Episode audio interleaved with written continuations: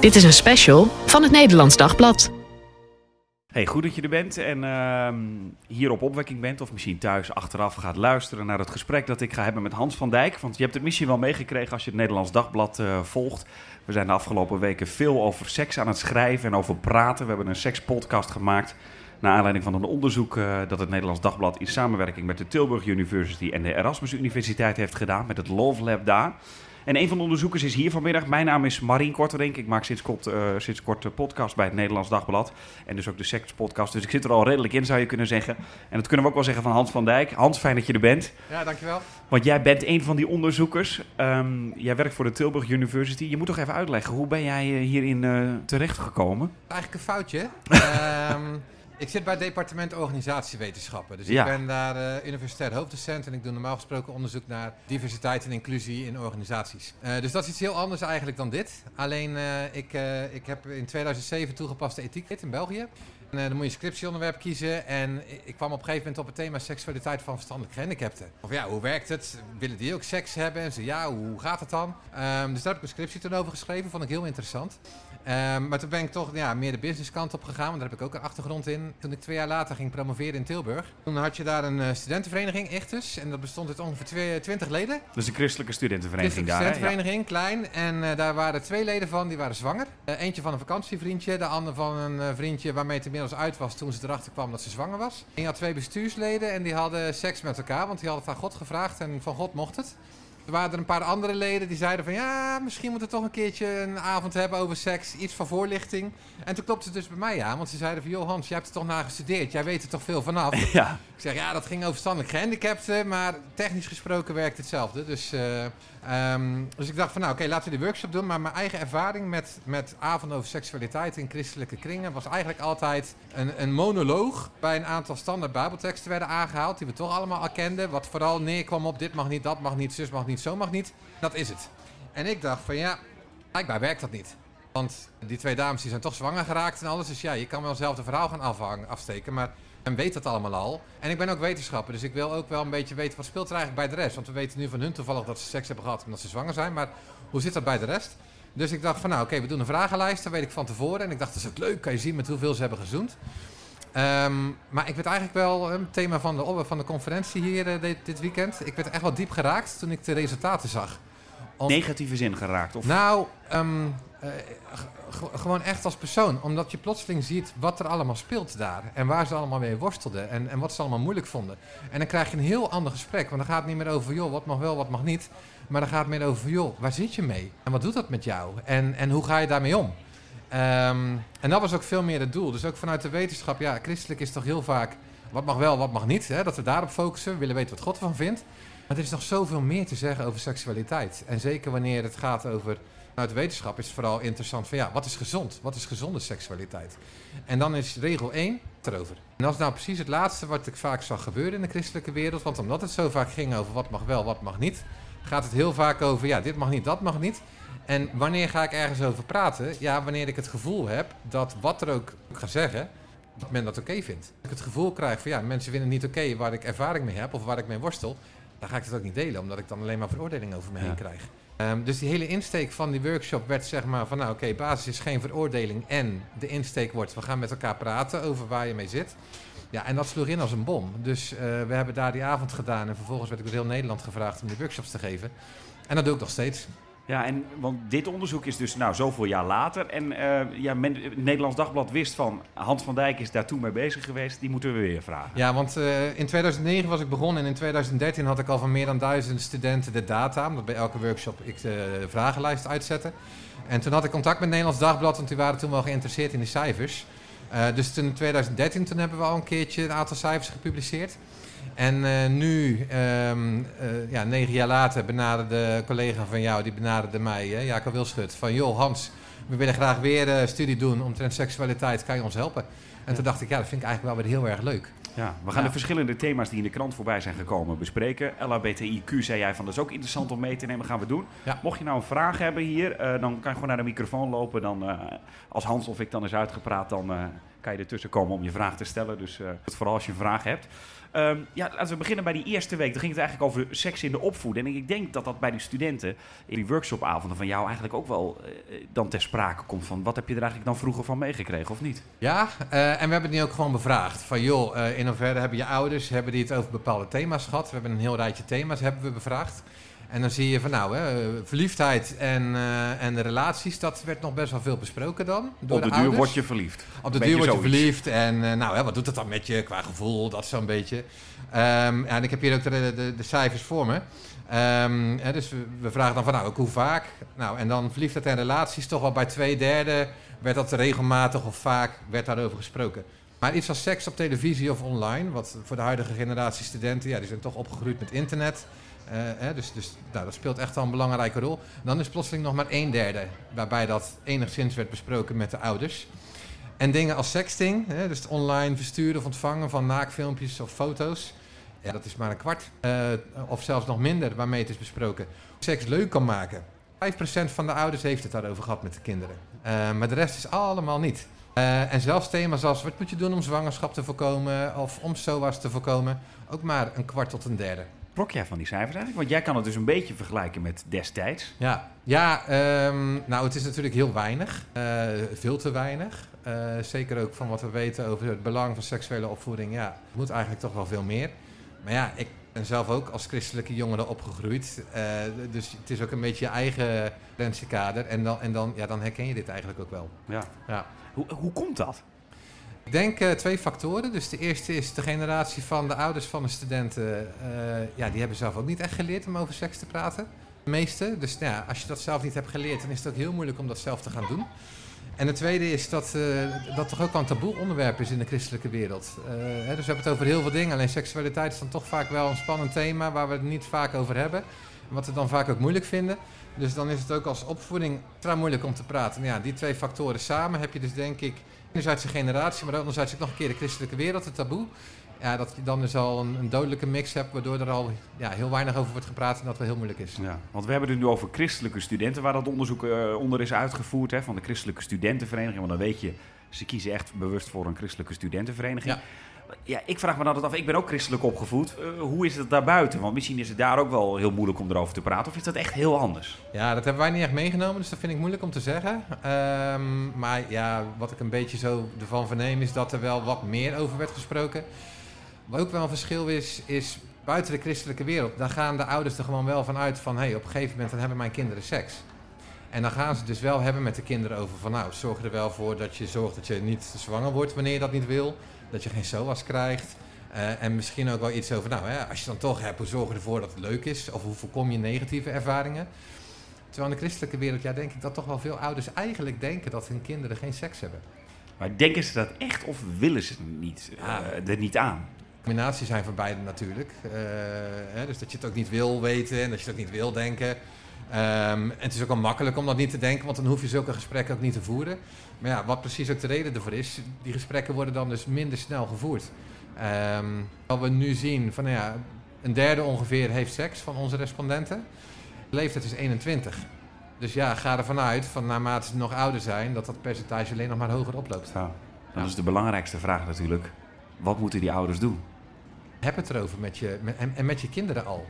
Um, dus dus als, als je wacht totdat ze in de puberteit komen en dan op een gegeven moment een moment uitkiest om een keer een boekje te geven of om een keer het gesprek aan te gaan, dan heb je al zo lang niet dat gesprek gevoerd dat voor het kind het ook heel onnatuurlijk wordt om het er dan plotseling wel over te hebben. Dan is het ineens een ding van. Dan is het een ding, dan is het al taboe, dan is het al vreemd en gek om daar met je ouders over te praten. Terwijl als je dat op jongere leeftijd gewoon al doet, uh, dan wordt het gewoon normaal. En dan is seksualiteit ook iets wat eigenlijk een normaal onderdeel is van het leven, waar je dan veel normaler over kan praten met je ouders ook. Ja, ik begrijp dat er een vraag is. Dicht bij de microfoon graag, ja. Of het is geen vraag, maar meer uh, een zin daarover die ik heel leuk vind. Ook van een christelijke seksoloog die zei: Je moet niet één 100 minuten gesprek voeren, maar 101 minuten gesprekken. En ik vind dit geeft het goed weer wat je net zei. Ja, nou exact dat, ja. Ja, super. Ja, want ja. dat is het natuurlijk.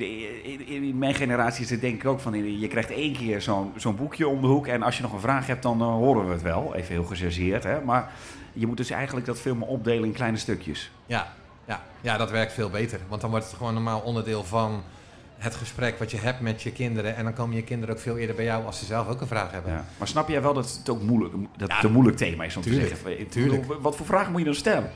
Ja, ehm, misschien nog geen eens zozeer een vraag, maar gewoon even voor een stukje ook delen hoe het voor jezelf is. Eh, en naarmate ze wat ouder worden, ook gewoon gaandeweg het met hen hebben over hun geslachtsdelen en bepaalde ervaring. Dus bij een jongetje, ja, hè, op een gegeven moment wordt het piemeltje wordt stijf.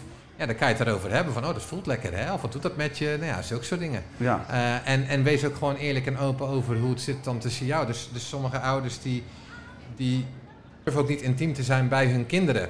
Terwijl denk ik heel gezond is wanneer je als kinderen ook gewoon ziet dat je ouders ook af en toe knuffelen. Natuurlijk niet hè, dat je ze seks ziet hebben, maar wel gewoon dat je af en toe ziet knuffelen. En dat ook gewoon zegt tegen hun van nou, hè, papa en mama die vinden elkaar heel lief en dat uit is op die manier. Zulke soort dingen.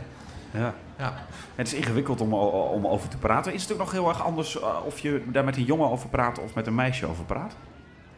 Vast wel, maar ik durf het zelf niet te zeggen. Eh, want dan kan ik niet uit eigen ervaring uitspreken en dat hebben we ook niet bevraagd. En eh, ja, dat is ook niet mijn expertisegebied. Dus ja. Nou, dat is de opvoeding. Eh, Dat is een van de thema's die voorbij zijn gekomen. We hebben het ook gehad over de vraag: wat is goede seks? Dat is dan natuurlijk ook in de opvoeding al moeilijk om mee te geven, natuurlijk. Want om dat bruggetje dan maar te maken, ja, daar heb ik, je zei het net ook over cijfers, daar heeft, daar heeft het eigenlijk nog nooit over gegaan, hè? In de opvoeding. Nee, eh, nee omdat, omdat, dat is denk ik ook een beetje het christelijke kader. Omdat het zo vaak, wanneer het christelijk is, het meteen theologisch ingestoken. Dus gaat het bijna altijd vooral over wat mag wel, wat mag niet. En omdat ook de norm toch nog altijd vaak is, of dat men denkt dat dat het is, van je wacht met seks tot aan het huwelijk, is dat dan dus eigenlijk ook een beetje waar men blijft hangen. Ehm, terwijl gesprekken over van ja, weet je, maar, maar wat is dan goede seks? Wat is dan fijne seks? En seks kan veel meer omvangen dan puur alleen hè, de geslachtsgemeenschap. Ehm, hoe zorg je ervoor dat je daar op een goede, leuke manier van geniet eh, en mee omgaat? Eh, en hoe kan je dat ook al doen voordat je getrouwd bent? eh, even vanuitgaan dat je nog wel aan die norm wil vasthouden van wachten met seks tot aan het huwelijk. Hoe kan je dan tot die tijd er toch ook nog van genieten? Dat zijn enorm belangrijke vragen waar de jongeren wel graag antwoord op willen hebben. Ja, en als je, als je daar niet als ouders het met hen over gaat hebben, ja, dan gaan ze dat ergens anders zoeken. Ja. Dan gaan ze het zelf uitproberen. Ehm, hè, maar maar ja, daar loopt elke jongere toch mee rond. Die wil Ja. daar toch antwoord op hebben. En dat lijkt me dus misschien qua eh, echt de christelijke opvoeding eh, inge- ingewikkeld. Dat je dus heel erg misschien zo'n norm meekrijgt van. Hè, en, dat het, en dat het ook vaak, relatief vaak gaat over wat wel en niet mag. Ja, Moet je daar als ouders dan eigenlijk eh, qua opzet. Ja, je, het is ook, je wilt natuurlijk ook weer wat meegeven vanuit je geloof. Wat, wat, wat, wat je daarvan vindt misschien. Hoe Ja. doe je dat dan? Ja, maar het is, het is een heel moeilijke balans tussen enerzijds ehm, wil je wel aangeven van hé, hey, weet je, dit is volgens mij niet goed of dat is niet goed en hè, wees daarin voorzichtig.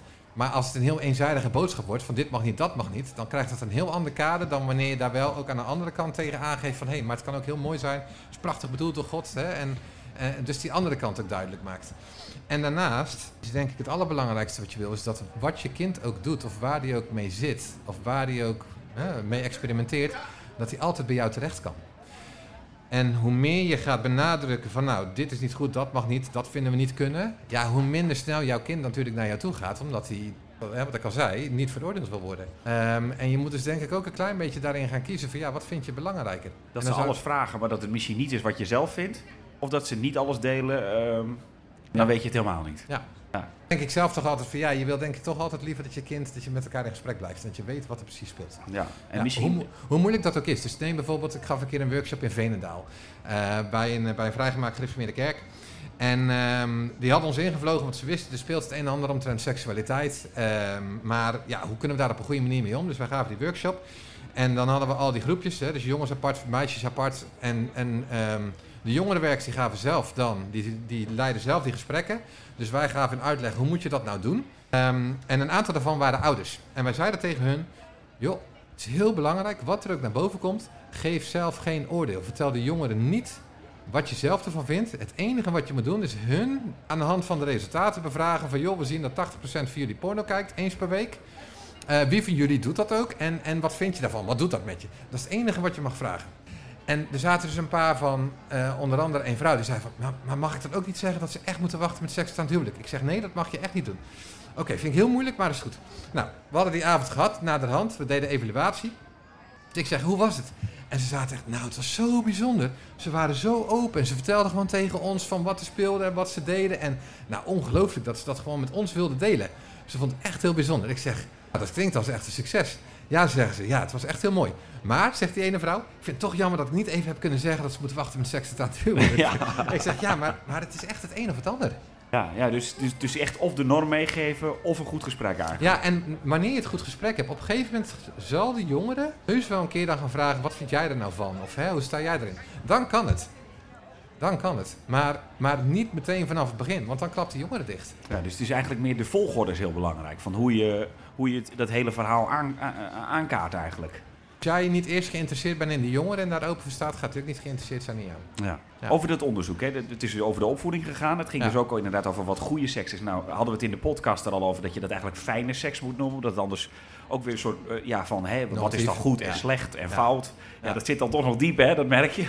Ehm, wat, wat vond, jij daar, vond jij er nog dingen uitspringen qua wat ze dan aangeven in het onderzoek? Ja, nou ja, we vroegen een heel aantal eh, thema's. Hè? Dus eh, we hadden bijvoorbeeld opwindend, spannend, grappig, ontspannend, ontladend, verbindend, teder, liefdevol, veilig, gelijkwaardig. Al die verschillende emoties, die bevroegen we eigenlijk van, nou, hè, wat is voor jou goede seks? En eigenlijk is het antwoord wat ze gaven op al die dingen een hele cocktail van al die verschillende emoties en gevoelens die er allemaal bij komen kijken eigenlijk. En dat vonden we eigenlijk wel mooi, omdat dat laat zien hoe complex seksualiteit ook wel niet kan zijn. Ehm, hè, hoeveel verschillende facetten het heeft en wat er allemaal bij komt kijken. En natuurlijk, het- de een vond het een net iets meer dan het ander. De een heeft ook een net andere voorkeur qua seksualiteitsbeleving dan de ander. Ehm, maar het laat ook wel zien dat het gewoon echt een complex thema is eigenlijk. Ja. Ja. Ik grappig er ook tussen staan. Ja. Ja, het is ook iets wat je, wat je echt samen doet. Dus een aantal van die thema's, we hebben bewust gekozen voor een aantal emoties en thema's die wat meer individueel beleefd worden.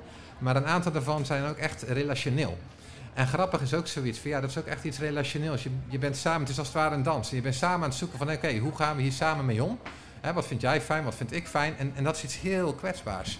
Want om een stukje jezelf te geven, letterlijk, en een stukje jezelf hè, naakt te geven en te laten zien aan die ander, dat, dat is enorm kwetsbaar.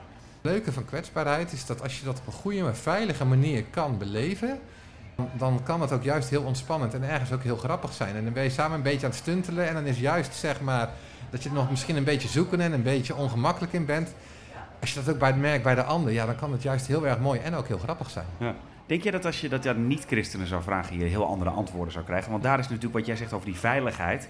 Eh, tegenwoordig zie je natuurlijk ook, dat gebeurt ook onder christenen, eh, dat, dat iemand voor een avondje, dat gebeurt natuurlijk ook. Ja. En dat heeft natuurlijk, denk ik, niet zoveel met veiligheid misschien te maken. Ah, nou, weet je, dat is misschien ook een beetje een karikatuur van hoe het zit bij niet-christenen. Ja, en, ja. en het lastige is, ehm, onder, onder niet-christenen is er vaak een karikatuur van, oké, hoe, zit christen- hoe zit seksualiteit bij christenen in elkaar? En aan de andere kant heb je dat ook. Dus waar heel makkelijk kunnen hebben, en ik zelf het ook heb over het taboe over seksualiteit in de christelijke gemeenschap, is het denk ik ook wel een taboe over seksualiteit bij de niet-christelijke gemeenschap. Omdat daar het allemaal maar stoer en tof en lekker en alles moet zijn. Maar de moeilijkheden die je daar soms, hè, die men daar ervaart en de worstelingen, dat men sommige dingen daar misschien ook niet fijn vindt, dat is daar denk ik weer meer taboe. Ja. Ja. Ehm, als het gaat om goede seks of fijne seks dan onder christenen, dan, dan komt eh, geloof eigenlijk ook vaak om de hoek kijken. En wat vindt God ervan, hoor je dan toch ook nog vaak. Ja. Hoe moet je nou met zo'n vraag omgaan? Ik hoorde het na aanleiding van de sekspodcast ook voorbij komen dat mensen zeggen: Ja, ik wil het toch ook graag horen wat God ervan vindt. En nou is het natuurlijk lastig om voor God te spreken. Ja. Maar hoe moet je überhaupt daarmee omgaan met dat je dat vanuit de religie dan ook wil bekijken of vanuit het christendom? Ik ben geen theoloog, Nee. Ehm, dus dat, dat ten eerste. Wat mij wel opviel is dat er heel vaak dezelfde bijbelteksten werden aangehaald eh, in veel christelijke studies die ik heb meegemaakt. Terwijl er denk ik ook een aantal andere teksten zijn die minstens net zo belangrijk zijn. En eh, een van de allerbelangrijkste christelijke principes die eh, ik wanneer ik de Bijbel lees eruit haal, wanneer het gaat over seksualiteit, is zelfbeheersing. Ehm, hè, want zelfbeheersing heeft, heeft heel veel inzicht over hoe ga je om met zelfbevrediging en met pornografie. Ehm, maar alle negatieve seksuele ervaringen, waar we het meteen ook nog over gaan hebben, heeft enorm veel te maken met zelfbeheersing. Want als iedereen zichzelf zo goed zou kunnen beheersen, een negatieve seksuele ervaring is altijd het gevolg van iemand die iemand anders grenzen overgaat. Ja. Dus die zichzelf niet goed genoeg kan beheersen. Ehm, en een gezonde omgang met bijvoorbeeld zelfbevrediging, pornografie heeft denk ik ook alles te maken met zelfbeheersing. En dat is, een, dat, is, dat is ook een enorm belangrijk onderscheid waarin christenen zichzelf in bijbelse tijden onderscheiden van niet-christenen in hun dagelijkse doen en laten. En wat denk ik ook nu nog een enorm belangrijk principe zou moeten zijn voor hoe christenen zich gedragen. En dus ook op, christen, op het seksueel gebied. Dat je dus zelfbeheersing hebt en niet over grenzen van anderen heen gaat. Ja, maar en, en ook met pornografie en zelfbevrediging daar op een hè, beheerste manier mee omgaat. En Ja. jezelf daar niet in verliest. Ja. Daarover gesproken, eh, dat is de derde week aan, aan bod gekomen. Porno en sexting eigenlijk. Ja. Ehm, even voor de mensen die luisteren of de mensen die hier zijn, even het beeld schetsen. Eh, wat, wat zijn een beetje de statistieken? Ja. Dus eh, porno, we vroegen naar porno lezen en kijken. En eh, nou, het mag geen verrassing heten, bijna alle mannen die hebben dat wel gedaan. Ehm, maar nog 70% van de mannen die doet dat nog altijd. En zo'n eh 20 tot 30% van de vrouwen. Ehm, dus dat vind ik ook belangrijk om te noemen. Het is niet alleen een mannenthema. Hè? Want soms wordt er wel eens gezegd van oké, het gaat even over de mannen. Maar nee, ook vrouwen die kijken en lezen porno. Dat is meer mannen. En hoeveel dat doen, dat vind ik minder interessant. Ik vind het eigenlijk veel belangrijker, wat doet dat met hun? En dan zie je dat 80 tot 90 procent van de mannen eigenlijk zegt van ja, ik, ik kijk of ik lees het met enige regelmaat. Sommigen meerdere keren per dag of zelfs eh, elke dag. Maar 80 tot 90 procent zegt eigenlijk wil ik dat niet. Het levert mij veel meer gevoelens van schaamte en schuld op dan dat het mij tevredenheid en geluk oplevert. En we hebben ook eh, 80 procent heeft meerdere keren geprobeerd om ermee te stoppen. Te stoppen. Ik ze niet. Wanneer we ons dat beseffen, daarom vind ik die cijfers zo belangrijk. Wanneer we ons dat beseffen, hoeven we niet meer met elkaar te gaan hebben over, joh, weet je, misschien moeten we stoppen met porno kijken. Ehm, maar moeten we veel meer gaan stilstaan bij van, joh, blijkbaar is de meerderheid van de mannelijke studenten, eh, of mannelijke jongeren, misschien ook wel volwassenen, zitten vast in de porno blijkbaar. En de zeven, ze doen iets wat ze niet willen, maar toch doen ze het en ze komen er niet vanaf. Ja. krijg je een heel ander gesprek. Want, want waarom doen ze dat dan en wat doet dat met hun? Hè? Als je continu het gevoel hebt van ja, eigenlijk wil ik het niet, maar toch doe ik het en dan doe je het weer. Dat doet zoveel met je. Ja, weet je, dan ga je het niet meer hebben met elkaar over van joh, vingertje, maar nee, dat moet je niet doen. Nee, je moet het met elkaar gaan hebben over joh, hoe komt dat dan? En, en, en hoe kan ik jou helpen? Dat wil ik zo natuurlijk weten. Maar waar komt die reflex vandaan om het dan toch te hebben over, van, eh, over dat vingertje? Nou, ik denk dat het ten eerste veilig is, want dan hoef ik het niet te hebben over mezelf. Dan kan ik vooral externaliseren van joh, jullie daar, eh, mag je niet doen. Eh, dus dat is makkelijk. Het is ook een heel, in, heel eendimensioneel beeld van porno. Want dan wordt porno ook wel heel erg over één kam gescheerd. Van joh, alle porno is slecht en, en noem het maar op. Terwijl porno ook wel wat genuanceerder ligt hier en daar. Ehm, en ik denk dat het gesprek zelf ook wel heel moeilijk is vervolgens. Van ja, oké, eh, als iemand er echt mee worstelt, ja, hoe gaan we daar op een goede manier mee om? Ehm, dat, dat, dat is een gesprek wat we denk ik niet gewend zijn om te voeren. Nee. Ik begrijp. Een vraag, kom maar. Ja. Ehm, ik heb vaak in de christelijke wereld ervaren dat als je bijvoorbeeld al een verlangen hebt om een porno te kijken, dat je dan als christ of porno verslaafd eh, telt. Dus dat, dat daar ook zo'n negatief beeld over por- pornografie wordt eh, ja, hersteld. Ja. En ik wilde vragen in hoeverre jij denkt dat dit ook veel met deze cijfers te maken heeft. Nou, pornoverslaving is een heel zwaar woord, hè? Een heel zware term. En ehm daar nog een aantal extra aspecten bij kijken. Dus dan, dan beïnvloedt het ook je dagelijks leven, dat je sommige dingen in het dagelijks leven niet meer goed kan doen. Dan heeft het een negatieve invloed op relaties, enzovoort, enzovoort. Hè? Dus, dus verslaving is een zware term. Ja, maar dat is, als, eh, als je echt verslaafd bent, hoor ik ook wel, eh, dan kan je ook bijvoorbeeld ontslagen worden omdat je dat op je werk aan het doen bent. Ja, dan krijg je Ja. iemand die het in een lagerhuis in Engeland doet. Eh, hè? Ja, ja, ook zo'n precies. dingen. Ja. Ja. Iets dichter bij de microfoon. Heeft het pas negatieve gevolgen op de relatie als je moet spreken van een verslaving? Of zijn er al veel eerder negatieve gevolgen op de relatie en je eigen samenontwikkeling van seksueel met elkaar omgaan? Nou, ehm, eh, wat je wel meer en meer hebt, is dus een generatie jongeren die wel heel veel porno kijkt. Een bepaald beeld van krijgt van wat houdt seks in. Ehm, want ze mogen geen seks hebben, dus ze hebben het niet. Maar ze zien wel allemaal beelden en allemaal dingen voorbij komen. Die wel hun gedachten en hun ideeën vormen over wat seksualiteit is en omgang met seksualiteit. En daar niet over hebben leren praten. En dat is dus heel gek, hè? Dat ze dus dan bepaalde ideeën hebben over, oké, zo moet je seks hebben. Of dit hoort bij seks. Maar erover praten durven ze niet. Ik heb het ook nog nooit echt ervaren. En dan hoor ik wel, ook bij de workshops, maar ook om me heen, dat wanneer men dan op een gegeven moment, bijvoorbeeld als men echt heeft gewacht met alles met seks en dan voor het eerst seks heeft, ja, dat dat vaak ook niet goed gaat. Omdat men zo een verkeerd beeld heeft van, oké, hoe hoor je daarmee om te gaan? Ja, dat dat ook niet werkt. Je moet dus ook goed weten, porno is theater. Ehm, de meeste porno, niet alle, maar de meeste porno is inderdaad eh, theater of gemaakt vanuit het idee van, hé, hey, dit is wat, wat bepaalde doelgroepen fijn vinden en daarvoor maken we het. Ja, En ehm, nou zei jij net iets van niet alle porno is fout, maar die hele industrie, daar kleeft natuurlijk wel een beetje aan dan, of dat heb ik dan natuurlijk ook meegekregen, hè, van, daar kleeft natuurlijk aan van, ja, er zijn mensen die dat niet willen, eh, et cetera. Ja, ja, en dat is ook heel vaak het geval. Eh, dus heel veel van de porno-industrie is ziek. Dat is ook goed om te benoemen. ja. Eh, Dat is denk ik ook goed om te benoemen. Maar goed, het is ook wel weer in de christelijke wereld dat heel snel... Het, is een stereotype. Hè? Het is weer een, weer een dinges. Eh, en je hebt ook wel daarin weer tegenbewegingen. Dus er zijn echt wel porno-acteurs en actrices die dat vrijwillig doen. Die dat zelf heel fijn vinden. Je hebt een bepaalde stroming porna. Dat is vrouwvriendelijke porno. Het is eigenlijk natuurlijk dat je dat als een afzonderlijke stroming moet hebben. Dat laat Ja. wel weer zien hoe ziek die industrie in de basis is. Maar ja, stroming is het dus ook wel. Ehm, die ook voor een deel wel weer wat meer educatief is opgericht. Kijk, en ik ga niet zeggen van... hey, porno is... eh, bepaalde stromingen van porno is goed. Ehm, dat ook weer niet. Maar ja, ik vind... moet ook wel even gezegd worden dat ook weer niet zo is... dat alle porno eh goddeloos en van de duivel en weet ik wat allemaal is. Ja. Eh, schuld en schaamte, jij noemde het net al, daar moeten we het eigenlijk Ja. vooral over hebben. Ja. Ehm, hoe heb je het daarover? Nou, ehm, basis is dus weer geen veroordeling. Als je, als je jezelf beseft dat heel veel van de jongeren die porno kijkt of leest, dat eigenlijk zelf ook niet wil. Dus het aller, allerlaatste wat je moet doen, is nog een keertje aankomen met van joh, je moet geen porno kijken hè. Omdat je ze daarmee alleen maar nog meer dat schuldcomplex praat. Ja. Ehm, in plaats daarvan wat ze nodig hebben, is, is een veilige plek waar ze terecht kunnen met hun worstelingen om dat te delen. Omdat als het iets is waarvan we weten wat helpt om mensen te helpen met ergens vanaf te komen wat ze moeilijk vanaf komen, dan is het praten. Maar daarvoor hebben ze een veilige plek nodig. En, en nou ja, idealiter is dat, of de kerk, of de christelijke studentenvereniging. En heel vaak is dat die plek dus niet. En dat is zo enorm jammer, omdat als je mij vraagt van... hey, wat, wat wordt de basis te zijn van een christelijke gemeente... Tuurlijk, hè, zang is mooi, spreker is mooi, noem het allemaal maar op. Maar als ik Handelingen 2 lees en wat die eerste gemeente was... dan was het een plek waar men alles met elkaar deelde. En tuurlijk, dat was voor een deel eten, drinken, noem het maar op. Maar ik geloof dat dat voor een heel groot deel, misschien wel het grootste deel... de geestelijke noden waren.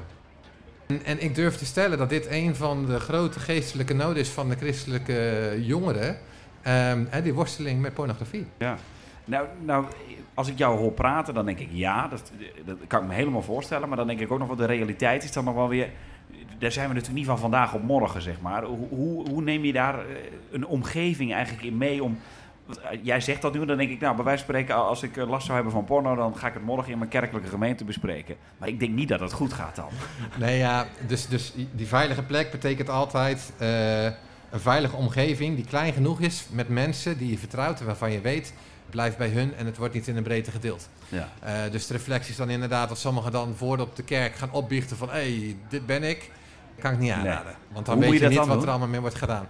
Ja, zoek mensen in de kerk die je vertrouwt. Eh, als die in de kerk zijn, hè. in sommige kerken zijn die er misschien niet. Maar idealiter heb je wel bepaalde van die mensen in de kerk. En heeft de kerk ook een aantal vertrouwenspersonen of geestelijke pastors of wat dan ook. Waar wie je dan terecht kan. En die je daar een stukje mee kunnen helpen. Of Ja. heb je gewoon bevriende gemeenteleden die daar een stukje in kunnen helpen. En er zijn altijd bepaalde christelijke hulpverleners die hier allemaal veel meer van weten. Ja, die ook altijd eh, daar wel mee Ja. kunnen helpen. En als jij dan hulpverlener zegt, dan denk ik wel weer van, dan is het dus ook wel weer van, dan heb je een probleem. Want ik heb een hulpverlener nodig. Nou ja, als je er al een heel aantal jaar in vast zit, dan kan dat misschien Ja, helpen. Maar goed, hè, in eerste instantie misschien inderdaad gewoon even iemand in vertrouwen daarover vertellen dat dat al een stukje kan helpen. Ja, ja. Ik vraag me soms, omdat de christelijke wereld zo erg op pornografie gefocust is als het over seksualiteit gaat, of deze focus niet ook het probleem groter maakt. Ook, ik denk de schaamte is eigenlijk- een heel groot probleem in deze porno kijken. En als misschien deze veroordeling er niet was, dat dan het ook niet zo'n probleem was. Ja, nou daar heb ik wel een leuk verhaal over. Ehm, want toen, we dus, eh, toen Nederlands Dagblad mij benaderde van... joh, wil je deze studie doen? Toen dacht ik, ja, dat vind ik leuk. Maar misschien wel goed om het even heel wetenschappelijk verantwoord aan te pakken. En ik ben dus geen sekswetenschapper, dus ik haal er even iemand bij die daar wel expert in is. Dus toen heb ik Daphne van den Bongert van het Erasmus Ja. Love Lab erbij gehaald. Eh, gewoon gegoogeld, ik kende er ook niet, maar zij leek mij de expert in Nederland. En eh, toen hebben we eerst een paar keer samen gesproken. Digitaal natuurlijk allemaal, want coronatijd. Eh, maar ik had wel een standaard vragenlijst en we namen die door. En zij zag onder andere de vraag die ik er altijd stelde van... joh, heb je wel eens geprobeerd om te stoppen met porno? En zij zat zo, "Hé, waarom stel je die vraag? Wat bedoel je? Bedoel je dat iemand pornofilmpje aan het kijken is... en halverwege denkt van joh, ik stop ermee? Ja, ja. Ik zeg, eh, nee. Ik bedoel dat iemand met zichzelf afspreekt... ik ga nooit meer porno kijken. Ze zegt, hè? Zo? Want zij kijkt er vanuit haar niet-christelijke bril naar. En zij heeft zoiets van, ja, waar, waar- waarom moet je met jezelf zo'n drastische afspraak maken? En dat heeft er alles mee te maken met dat voor haar dat veel minder... en ik denk met haar voor de niet-christelijke gemeenschap... dat niet zo normatief is. En dan is het soms ook veel makkelijker om ermee om te gaan. Want wanneer er een heel duidelijke norm is van iets mag niet... Ja, zeg tegen mij, je mag dat niet. En dan is mijn eerste neiging is, ik wil dat doen. Want ik Ja, wil ja. weten waarom dat niet mag. Eh, weet je wel. Eh, en, en waar we heel slecht in zijn, denk ik, is, is als christenen uitleg geven van... oké, als God iets dan misschien niet goed vindt... of als er in de Bijbel staat, iets mag misschien niet... waarom dan niet? Geef uitleg erover. Als er staat, hè, niet het gras betreden... ja, dan is het eerste wat ik ga doen, is het gras bestreden... en even een foto maken, want kijk eens hoe stoer ik ben. Ja. Maar als er staat van niet het gras bestreden, want er liggen landmijnen onder, even extreem gesproken, is voor mij duidelijk, oké, het is echt beter dat ik niet het gras ga betreden. Nou, en op dezelfde manier zijn er denk ik bij heel veel van de christelijke normen eigenlijk best wel goede redenen voor. Het is niet voor niks dat God een aantal dingen heeft bedacht van, joh, het zijn geen geboden, het zijn meer spelregels. Van, joh, als je aan die spelregels houdt, dan is het voor iedereen heel erg leuk. En zeker omtrent seksualiteit. Hè, dat hoort een gelijkwaardig iets te zijn waar je samen plezier in beleeft. Maar het kan heel snel ongelijkwaardig worden. Dus het is van belang dat er bepaalde spelregels zijn. Zodat iedereen er veel plezier aan beleeft. Maar ja, als we daar geen uitleg over geven, ja, dan krijg je alleen maar als jongere mee van, oh, het mag niet. En eh, dan wordt het juist spannend. Ja. Wat zou je als kerk moeten doen dan als het gaat om porno bijvoorbeeld? Eh, Moet je daar avonden over organiseren van hoe moeten we daarmee omgaan? En, en, en, of moet je juist het gesprek proberen eh, daarover aan te gaan in, in groepjes? Of... Ik, ik denk dat elke jongere groep elk jaar dit gesprek moet gaan aangaan. Ehm, hè, dus, dus hou er jongerenavonden over, geef er specifiek de tijd naar. Maar houd ook niet bij dat ene moment in het jaar. Maar probeer daar opvolging aan te geven. Dus gebruik dat ene moment in het jaar om weer even een soort momentum te creëren. Waardoor je naderhand erover doorgaat. Dus wat wij altijd doen bij de workshops is... Ik geef eerst een praatje waarbij ik het belang van, van zelfbeheersing, van erover praten en geen veroordeling deel. Dan doe ik ze uit elkaar. Mannen, vrouwen, kleine groepjes, max 10 alleen. Zodat het klein genoeg is om veilig met elkaar erover te praten. Aan de hand van een gespreksleider. En wanneer ze met elkaar erover hebben gesproken, dan bidden we er met elkaar over. En dan zeggen we, dit was goed hè, dat we hier met elkaar zo openlijk over hebben kunnen praten. Laten we kijken of we dat kunnen blijven doen door met elkaar buddies af te spreken. En heel specifiek afspraken te maken over, oké, als jij mijn buddy bent, wanneer gaan wij het er weer met elkaar over Oh, hebben? ja. Over twee weken. Wie hier gaat over drie weken checken of wij dat gesprek hebben gevoerd? En dat klinkt misschien heel erg betuttelend, maar dat is nodig omdat je het uit het taboe moet halen. Ja. Wel op die manier. En jij zegt dan geen veroordeling, daar ga ik dan een beetje op aan. Eh, want ik snap dat helemaal voor een goed gesprek inderdaad die norm eh, soms eh, weg moet. Terwijl er zijn natuurlijk soms ook dingen die gewoon niet goed zijn bijvoorbeeld. Ja, maar ten eerste, je hebt Romeinen 14. Paulus toch echt wel zegt van, joh, oké, sommige christenen vinden dat je alles kan eten, anderen vinden dat sommige vlees niet mag worden gegeten. Sommige christenen vinden dat alle dagen gelijk zijn en anderen vinden dat een bepaalde dag afgezonderd is. Dan zegt Paulus niet, en ga nu uitgebreid met elkaar een theologisch debat aan, totdat de een de ander heeft overtuigd van wie gelijk heeft. In plaats daarvan zegt hij, respecteer elkaar. Hè? En, en accepteer dat sommige mensen misschien andere normen hebben. En zorg er gewoon voor dat je niet zeg maar, je eigen normen, je eigen geweten, dat je daar overheen gaat. Hou jezelf eraan. Dus accepteer dat ook op het gebied van seksualiteit sommige mensen misschien net even een andere norm hebben. Echt elkaar proberen theologisch elkaar dood te slaan en te overtuigen dat jouw norm toch echt wel de juiste is. Maar realiseer jezelf van ja, oké, misschien dat er wat meer verscheidenheid ook op dat vlak bestaat. Met elkaar dan het gesprek aan van oké, hey, en wat, wat doet dat dan met jou en, en wat vind je daarvan? Ehm, en, en zelfs dus wanneer je probeert die openheid te betrachten door met elkaar dit gesprek aan te gaan en wanneer daar bepaalde dingen naar boven komen, dan is dus denk ik het allerbelangrijkste principe dat je als gemeenschap of als christelijke gemeente of kerk een plek bent waarbij de veiligheid is dat wat er ook speelt, dat je juist die worstelingen, zeg maar, dan er voor elkaar bent. En ja, de, de, de kerk of de gemeenschap bent die die persoon dan juist probeert op te vangen. Want we zijn allemaal gebroken.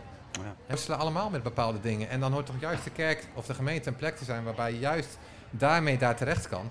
En dat is momenteel juist niet de plek. Dus veel, veel mensen die voelen zich, heb ik de indruk, juist eerder bij niet-christenen, eh, wanneer het gaat over seksualiteit, welkom. Omdat daar geen veroordeling heerst. Ja. en, en, en zo hoort het niet te zijn volgens mij. Ja.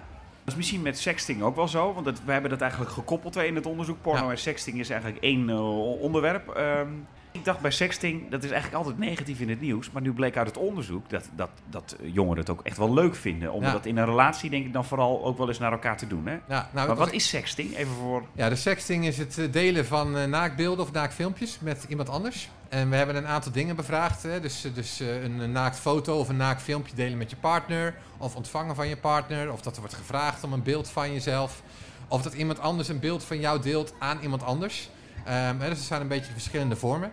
En vooral dat laatste komt heel veel in het nieuws. Ehm, en dat is natuurlijk ook wel een risico van sexting. Want ja, als ik naar mijn partner eh, een, een foto van mezelf deel, wat bijvoorbeeld in een relatie even spannend kan zijn, weet je. Vroeger deelde je, had je misschien een liefdesbrief die er soms een beetje pikant was. Nou ja, tegenwoordig is dat gewoon een beetje spannend. Een fotootje of een filmpje. Ja, dat kan natuurlijk leuk zijn als je dat ontvangt van je partner. Alleen het risico zit hem er altijd in dat de relatie altijd uit kan gaan. Of dat je partner misschien niet helemaal te vertrouwen is. En dat wordt rondgestuurd. Nou, dat laatste, dat is hoe het vaak in het nieuws komt. En we hebben ook gevraagd aan de studenten, dus, dus een derde uh, met sexting. En degene die daarmee ervaring hadden, dat zeg maar beelden van hen ook werden doorgestuurd naar anderen, die zeggen allemaal daarover, dat is negatief, dat is heel vervelend, dat willen we niet. Maar uh, ze zeggen ook van ja, wanneer het zeg maar een beeld is wat ik ontvang van een partner, of wanneer ik een beeld deel naar mijn partner toe, dat de meesten dat eigenlijk best wel leuk soms vinden.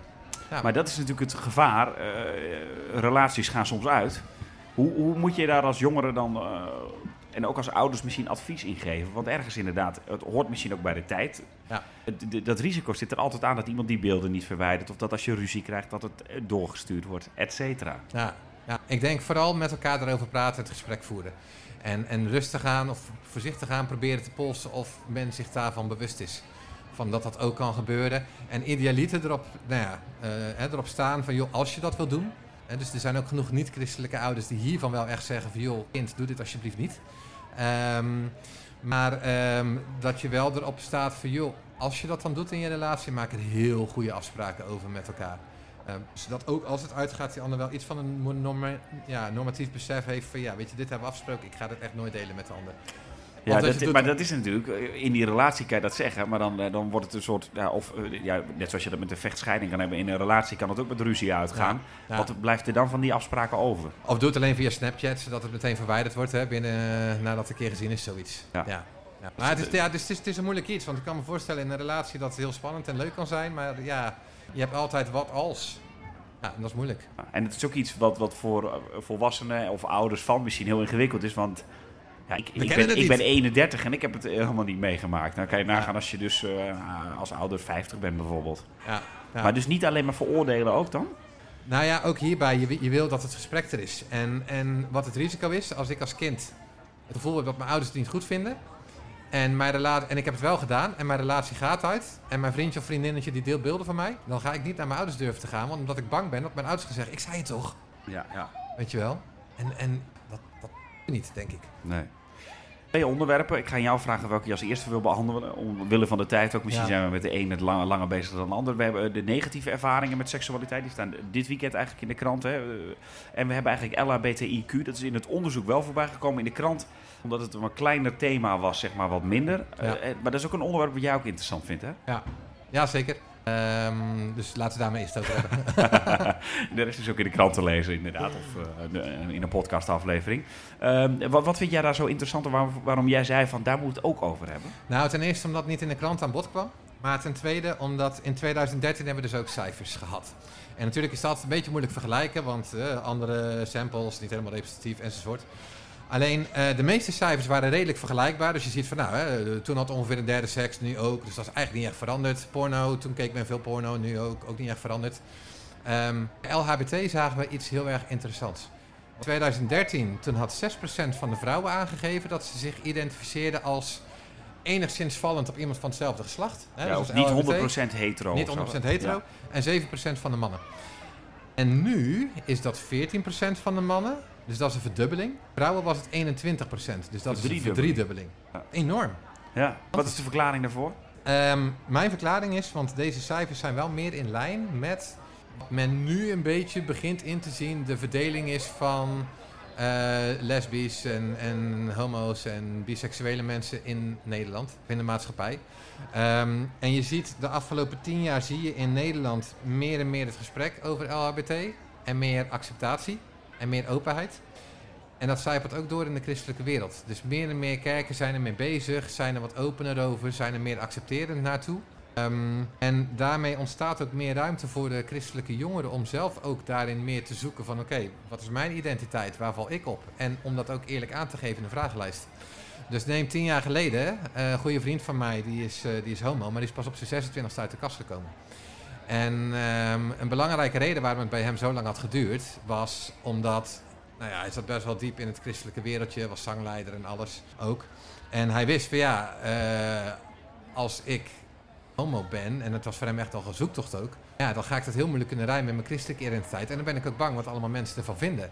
En dat heeft er mede voor gezorgd dat hij heel lang toch bij zichzelf eigenlijk de hoop had, want dat was het, de hoop had, ik ben hetero. Als ik dat maar hard genoeg zeg. En als ik maar hard genoeg zeg en hard genoeg denk. Dus op een gegeven moment, hij klopte bij mij aan. Hij zei Johans, ik moet echt even met jou spreken. Ja, hij was op dat moment, ik wist dat hij aan het nadenken was om zich te verloven met zijn vriendin. Ehm, dus hij kwam bij mij en, en hij ging zitten. Het was elf uur s'avonds en hij keek verdwaasd om zich heen. En ik zeg van, joh, wat is er aan de hand? En hij zegt, ja, ik weet niet of ik wel op meisjes val. En ik wist hoe heftig dat was, omdat hij al drie jaar lang samen was met zijn vriendin en dus eraan zat te denken om haar ten huwelijk te vragen. En ik dacht eerst, heel makkelijk, joh, dat is toch simpel? Naakte man, naakte vrouw, waartoe voel je aangetrokken? Ehm, maar hij zei, ja, lichamelijk iets meer tot de man, maar emotioneel tot de vrouw. dacht ik, oh, dit is toch al wat complexer dan ik in eerste instantie dacht. Uh, met mijn simpele heteroseksuele mannenbrein. Ja, ja. Ehm, dus toen hebben we vier maanden lang hebben we elke week afgesproken in de kroeg om, om zeg maar, maar te onderzoeken van oké, hoe zit het? Maar, maar een belangrijke worsteling bij hem was dat hij echt zoiets had van ja, ik kan niet en homo zijn en christen. Dus het was voor hem veel meer een zoektocht naar van kan die twee werelden met elkaar verenigd worden dan wat is nou echt identiteit. Want als je het hem nu vraagt, dan zegt hij ja nee, eigenlijk was het eigenlijk al wel duidelijk. Omdat, omdat hier ook weer die norm soms zo erg zwaar kan liggen, doet dat heel veel met je psyche dusdanig dat dat je heel erg doet twijfelen aan eigenlijk ja, wie ben ik? Ja. En wat vind jij dan van deze cijfers? Is dat in die zin positief dat ze het ook durven aangeven? Of denk je dat het, wat je, als je het negatief wil uitleggen, zou je nog kunnen zeggen van eh, het is ook een, een, een, een trend die je ziet? Nou, ik, ik denk dat, dat de, de vraag van wat vinden we ervan en is het positief of negatief, dat die aan zich al interessant is. Waarom kunnen we dit niet gewoon vinden? Is zo. En de vraag dan wordt, wat doen we ermee? En ik denk dat het vroeger voor de christelijke gemeenschap heel makkelijk was om te denken, het is maar een enkeling. Want dan is er met die enkeling is dan iets mis. Hè? Dus? En dan is er vast wel reden te vinden, slechte relatie met de vader of weet ik veel wat, uh, waardoor dat het geval is. Ja. Maar wanneer we ons realiseren dat het een vijfde van de vrouwen en een zevende van de mannen betreft, uh, hè? En, en ik denk nog altijd dat als het ook maar iets is dat eerder een onderschatting is, dat het nog altijd de drempel is veel groter om te zeggen ik ben LHBT, want dan heb je nog veel meer weerstand. Of ik ben niet 100% inderdaad. Of dan ben je voor 100% van... hetero. Ja. Dus het is, als het ook maar iets is, nog altijd een onderschatting. Um, dat is best wel een groot onderdeel. Ook wetenschappelijk weten we inmiddels wel van joh, homoseksualiteit is gewoon ook mede in elk geval voor een groot belangrijk deel iets genetisch. Je bent het. Um, en waarom ik het zelf zo belangrijk vind, zeker in de christelijke wereld, is omdat er heel, heel vaak of heel makkelijk worden iets van vijf teksten aangehaald in de Bijbel die heel expliciet zijn over homoseksualiteit is een zonde, is een gruwel. Niet. Uh, en die zijn, die zijn al aan zich ook heel duidelijk als je ze gewoon letterlijk neemt. Alleen bepaalde andere teksten die halen we er niet bij. Bijvoorbeeld dat Jezus zegt van dat als we ook maar één iemand afhouden van hem, dat het beter is als we met een molensteen om onze nek in de diepe zee worden geworpen. En dat is denk ik wel wat er heel veel is gebeurd bij al die mensen die zich identificeren als niet 100% hetero. Ja. En waarom halen we die tekst niet aan? En waarom staan we daar niet een keer bij stil van, hé, hey, bij hoeveel hebben we dat eigenlijk wel niet gedaan? Wat zegt het eigenlijk wel niet over ons? Veroordeling, denk ik, van ook die LHBT-mensen, wat we er ook van vinden, het is in eerste instantie voor hunzelf ook een worsteling.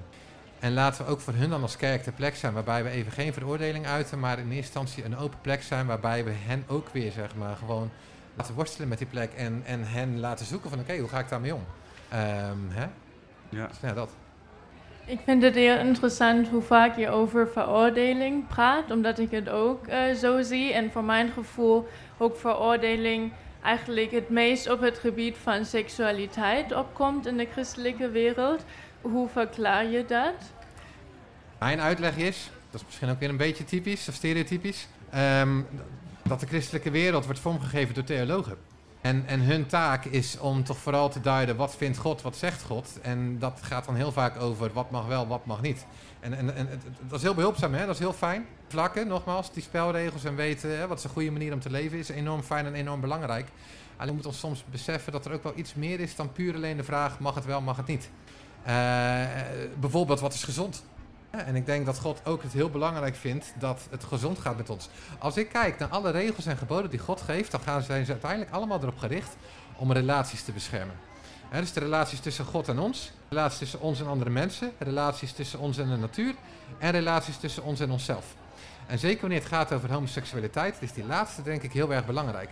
Ehm, de relatie tussen ons en onszelf. Want je komt in een enorm conflict wanneer je enerzijds wel gelooft in een God die ons heeft gemaakt zoals we zijn en zo ons bedoeld heeft. Maar als we anderzijds het gevoel hebben dat we niet mogen zijn zoals we zijn. De vergelijking is een beetje krom, maar ik vergelijk het altijd maar als we gaan zeggen van ja, oké, misschien mag je wel homofiel, is dat wel hoe God je heeft gemaakt, maar je mag niet zo zijn. Hè? Je mag niet homoseksueel zijn. Ja, je gaat ook niet tegen iemand zeggen met syndroom van Down. Je mag wel syndroom van Down hebben, maar je mag je niet zo gedragen. Van de zotte, denk ik dan zelf. Ehm, hè, dus, dus als God mensen blijkbaar zo heeft gemaakt, of als mensen zo zijn, ja, misschien is het dan ook wel soms oké als ze daar op een monogame, voor de rest hè, binnen de christelijke normen van seksualiteit manier mee omgaan. Ik denk eerlijk gezegd dat dat geen relaties schaadt. Ik denk dat het veel eerder relaties gaat wanneer ze ofwel dat de hele tijd moeten onthouden. Ofwel wanneer ze dus het gevoel krijgen van nou oké, ik ga me toch maar voordoen als hetero. Want we kennen genoeg voorbeelden van mensen die dan toch maar gaan trouwen met iemand van het andere geslacht. En dat dat al helemaal niet goed gaat. Ja. En wat is dan de rol ook hier weer in van de kerk? Ja, eh, avonden organiseren om erover te praten, of het in ieder geval bespreekbaar Ja. maken. Ja, ja, en ik weet dat dat enorm moeilijk kan zijn, want die zijn Ja. kerkscheuringen omtrent geweest en nog altijd is dit een enorm moeilijk gesprek. Ehm, hè, en, en het is denk ik ook zeker oké als bepaalde kerkgenootschappen zeggen van nou weet je, wij zijn tegen. Hè, die, die plek en die ruimte moet er ook zijn. Nogmaals, er moet ook ruimte zijn voor verschillende normen hierin. Ehm, maar voor mensen die hier zelf in zoekende zijn met hun eigen identiteit, is het ook gewoon fijn om te weten van oké, is dit een kerk waarin ik word geaccepteerd zoals ik ben? Kan ik hier ook met een partner van hetzelfde geslacht, als ik dat wil of als ik dat tegenkom, kan ik daarmee hier terecht? Zonder dat er meteen wat van wordt gevonden. Dat is gewoon heel erg fijn. En nu denk ik dat nog te vaak het gesprek maar wordt vermeden omdat men het moeilijk vindt en niet precies weet hoe ermee om te gaan. En nou ja, hè, dat, Ja, en wat, zeg- wat zeg jij tegen eh, christenen? Want die, ik heb het idee dat je daar nog vaker hoor, misschien dan daarbuiten. Van dat dan bijvoorbeeld eh, queer en eh, allemaal dat soort ontwikkelingen, dat dat een soort hype is of dat het cool is. Of, Ja, ik vind dat heel erg makkelijk om het daarmee af te doen. Omdat dat dan toch, denk ik, vaak nog een beetje de, de, de gedachte is van... Het zijn maar enkelingen, het zijn er niet zoveel. En daarom vind ik deze cijfers delen het zo belangrijk. En vind ik het zo fijn dat Nederlands Dagblad hier zoveel aandacht aan heeft gegeven. Ehm, omdat de reacties die ik om me heen hoor hier ook op... is dat men echt wel een beetje geschokt is. Omdat men denkt van, ik wist echt niet dat het er zoveel waren. En, en, en hopelijk, hè, dit zijn ook studenten, die hype is, de aandacht is misschien toch nog iets meer onder de tieners bijna. Eh, die echt nog een beetje aan het zoekende zijn.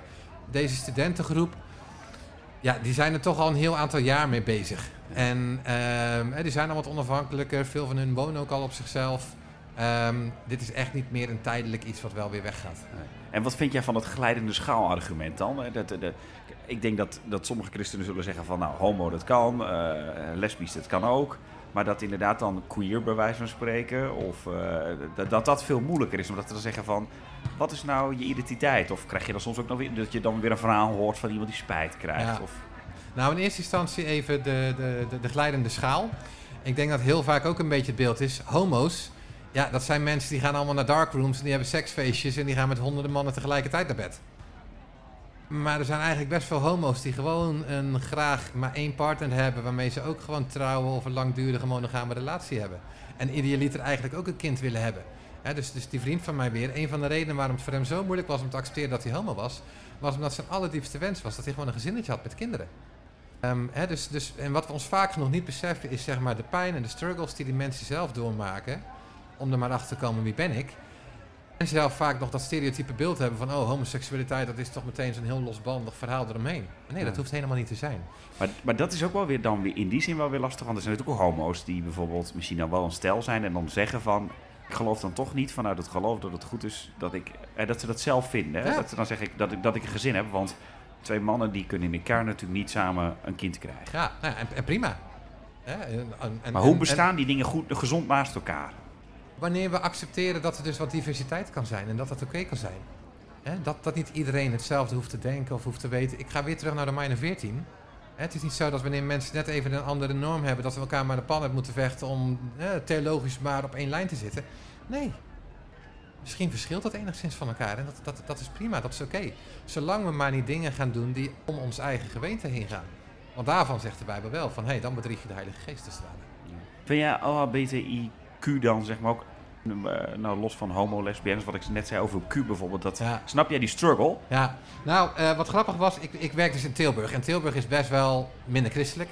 En daar hadden ze een keer een avond over bijzondere mensen. En ehm, een van de mensen die ze daar dus hadden uitgenodigd was een transgender. Ehm, en dus kon je vragen stellen aan een transgender. Want eh, nou, dat is toch niet iemand die zie je heel vaak. En in de christelijke kringen ook niet. Dus ik snapte dat wel.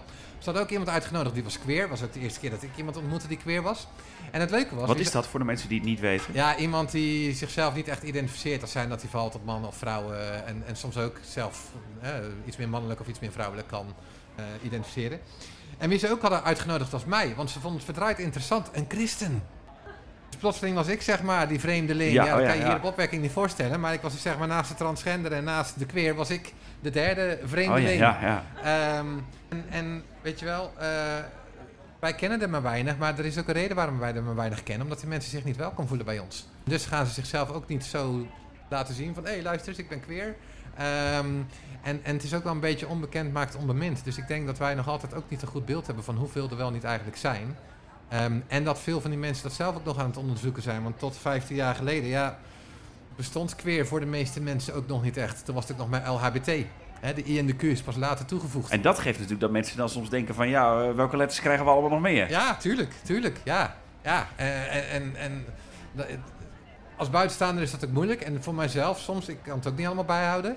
Ehm, maar het is belangrijk om te beseffen dat elk van die vakjes mensen helpt om erachter te komen hoe zit ik er zelf in. Eh, en, en dat je zelf daar dus misschien allemaal dingen van vindt, maar het is ook niet voor jou.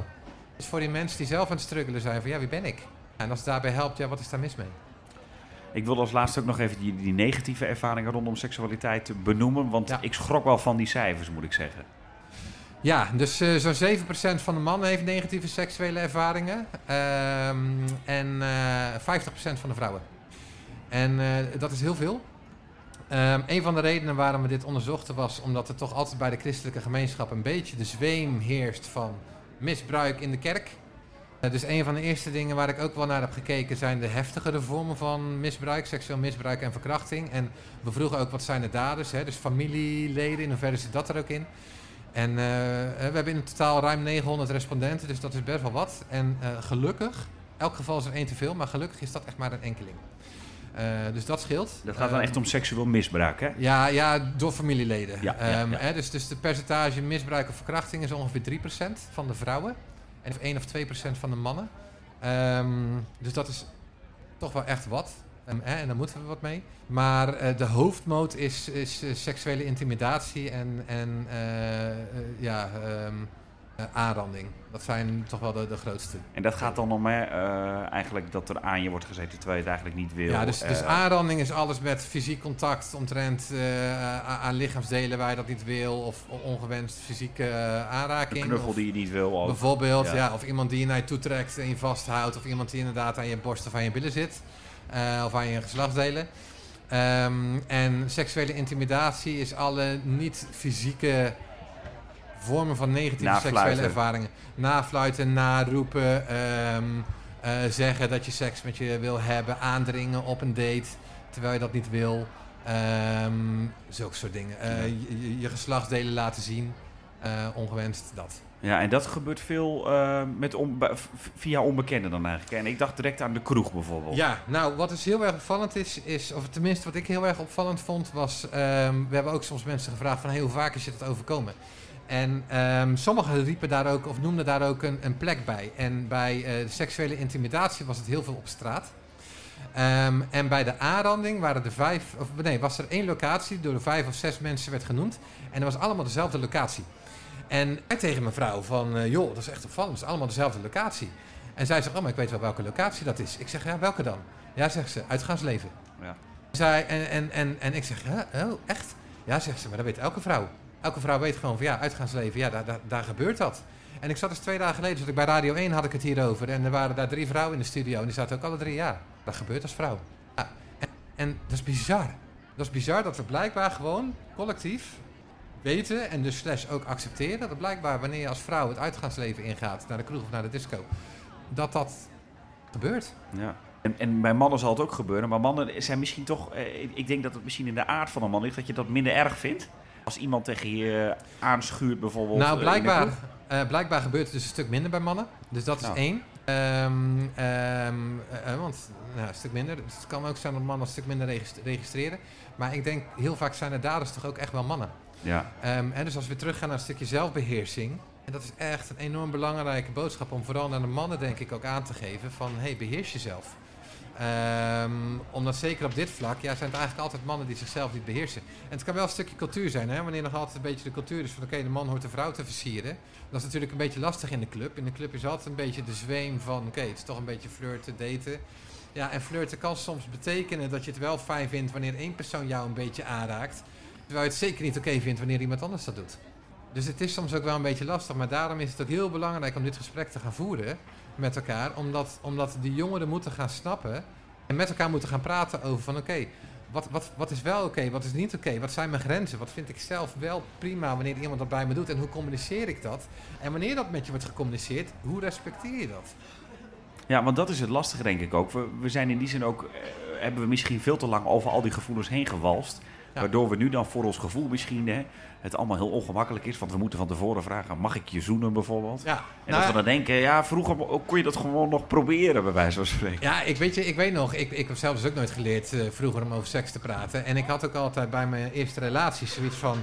Ja, weet je, zodra je erover gepraat, dan is alle romantiek weg. Dus het is vooral gewoon leuk en spannend om zeg maar Niet gewoon benoemen. intiem te zijn. En precies. Ja, en, en ja, nu hoor ik mezelf praten en denk ik, oh, wat was ik verkeerd bezig eigenlijk. Ja, want je, je moet erover leren praten. Ehm, en, en dat klinkt misschien aromantisch, maar wat ik gaandeweg heb geleerd en wat ik nu dus ook in de workshops altijd zeg, is van er is eigenlijk niks romantischer en wat je beter kan doen dan, dan van tevoren afspreken van oké, wat is de grens die we nu hanteren en wanneer gaan we zeg maar, het volgende stapje doen. En dan kom je er ook achter, er zijn bij intimiteit heel veel stapjes die je kan nemen. Dus het is echt niet van je hebt wel of geen seks. Nee, er zit, er zit heel veel grijs gebied in. Ja. Ehm, dus ga met elkaar maar hebben van oké, welke stapjes zijn er allemaal en wanneer gaan we welk stapje doen.